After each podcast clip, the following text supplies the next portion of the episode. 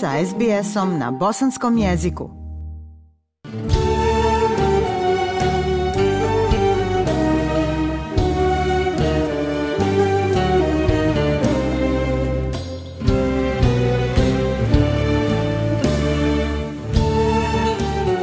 Slušate SBS program na bosanskom jeziku. Ja sam Aisha Hadži Ahmetović. Za nekoliko dana muslimani širom svijeta dočekat će razdragana srca jedan od svojih najdražih praznika, Bajram. Ovoga puta Kurban ili Hadžijski Bajram, koji je najsvečaniji islamski praznik. Obilježava se prva četiri dana u mjesecu Zulhidže.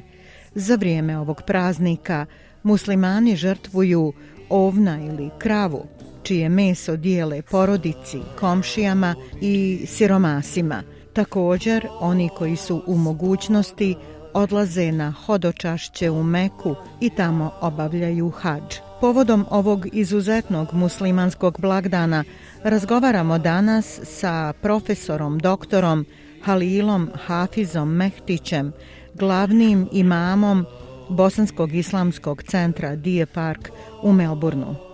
Uvaženi Hafize, dobrodošli u SBS audio program na bosanskom jeziku. Bolje vas našao, hvala vam na poziv. Eto, sama riječ kurban, općenito u širem smislu, znači žrtvovanje, ono što se žrtvuje. U užem vjerskom smislu, uobičajenom kod mnogih muslimana u svijetu, pa i bosanskih, označava životinju koja se žrtvuje po propisima vjere u danima kurban bajrama. Recite nam u čemu je smisao i značenje kurbana i šta je njegova svrha u islamu? Bismillahirrahmanirrahim. Pa ako bismo etim, gledali etimološko značenje riječi kurban, ona je nastala iz korijena arapske riječi karube jakrebu, dakle približiti se. E, faktički e, kurban je infinitiv od ovoga glagola i znači približavanje. A čemu približavanje? Približavanje svojom žrtvom Allahu Đelešanu. Gledajući kroz historiju i gledajući ono što Kur'an časni kaže, a, svi narodi kojima su dolazile objave imali su neku vrstu kurbana, odnosno prinošenja žrtve Allahu Đelešanu. To razumijemo iz ajeta sure Hajj gdje Allah Đelešanu kaže velikulli ummetin ja'alna mensaken li jedhkuru smallahi ala ma razakahum min behimetil l'an'am.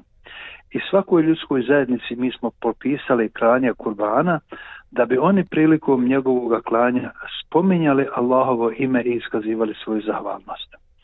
Dakle, e, kurbanom mi eh, se žrtvujemo na putu Islama. Faktički kurban bi trebao da bude jedan od naših pokazatelja i smjernica, a to je da čovjek na putu ostvarenja svoje vjere i principa din islama treba da bude spreman na žrtvu, ne samo kurbanom, nego i svojim imetkom, pa čak i svojim životom ako je to, ako je to potrebno. Naše klanje kurbana datira od našega pra oca za kojeg se vežu i kršćani i jevreji, a za Ibrahima alejsala. Uzvišen Allah Đelešanu u suri Safat o tome govori kako je Ibrahim alejselam usnu vidio da treba žrtvovati svoga sina Ismaila. I on kako se tamo u Koranu kaže ovaj فلما بلغ معه السعي قال يا بني إني أرى في المنام أني أذبحك فانظر ماذا ترى قال يا أبت افعل ما تؤمر ستجدني إن شاء الله من الصابرين I kaže Ibrahim a.s. Uh, i kada mu on u poslu njegovom pođe pomagati, a to govori kako komentatori Korana kažu da je Ismail a.s. imao oko 10 do 12 godina. I kada mu on u poslu pođe pomagati, on mu reče, o sinčiću moj, ja sam usnu vidio da te trebam žrtvovati u ime Allaha. A on kao poslušno dijete kaže, o babo, babuka moj, ti uradi onako kako ti je naređeno, a vidjet ćeš da ću ja biti strpljen. I zaista ovaj, i jedan i drugi su bili e, spremni na žrtvu. O tome je Kur'an na jedan vrlo slikoviti, dirljiv način govori da čovjeku suze mame na oči. Pa kako Allah u produžetku kaže Felema eslema vetellehu lil džabin i eh, nakon što se njih dvojica predaše, odnosno pokoriše se Allahovoj naredbi, on ga licem prema tlu okrenu, prema zemlji okrenu. I ovdje mu Fesiri objašnjavaju zašto ga je okrenuo licem prema zemlji. Pa se kaže tamo u ovim komentarima Kur'ana da je Ibrahim a.s.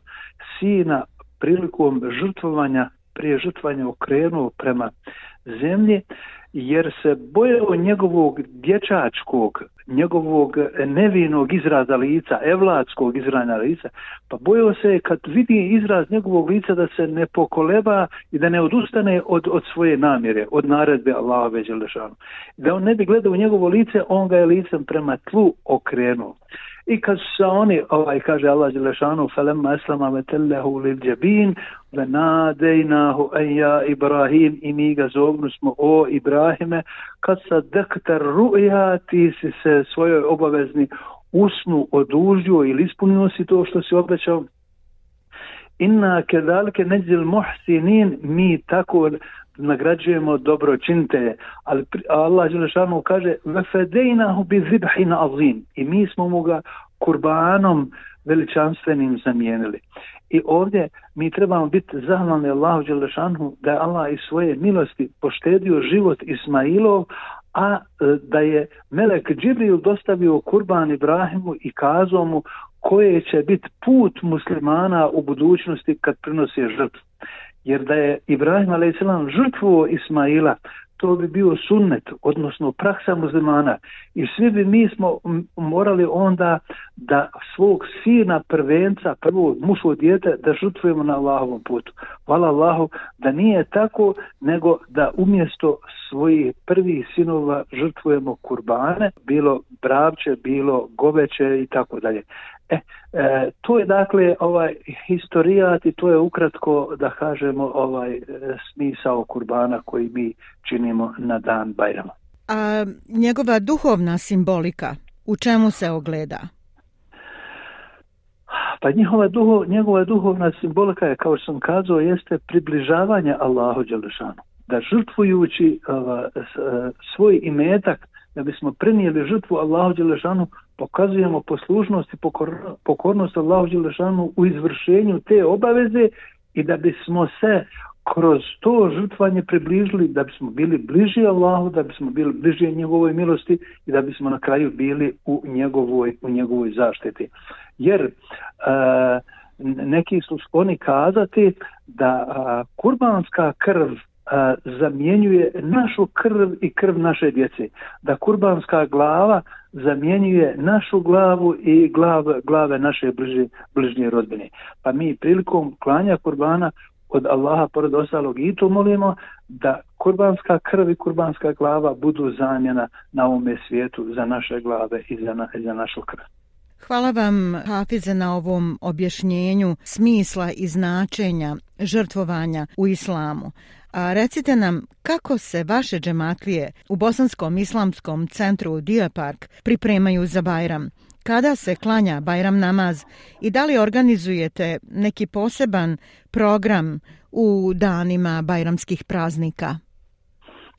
Svakako da izvršni odbor uh, Australsko-Bosanskog islamskog centra u Dije Parku e, vrši pripreme za što e, potpunije e, dočekivanje i isplešanje e, kurban bajramskih blagdana. Biće upriličeno čišćenje, temeljito čišćenje džamije i okoliša. Pored toga ova, određuju se redari koji će regulisati saobraćaj, koji će obsluživati unutar džamije i tako dalje.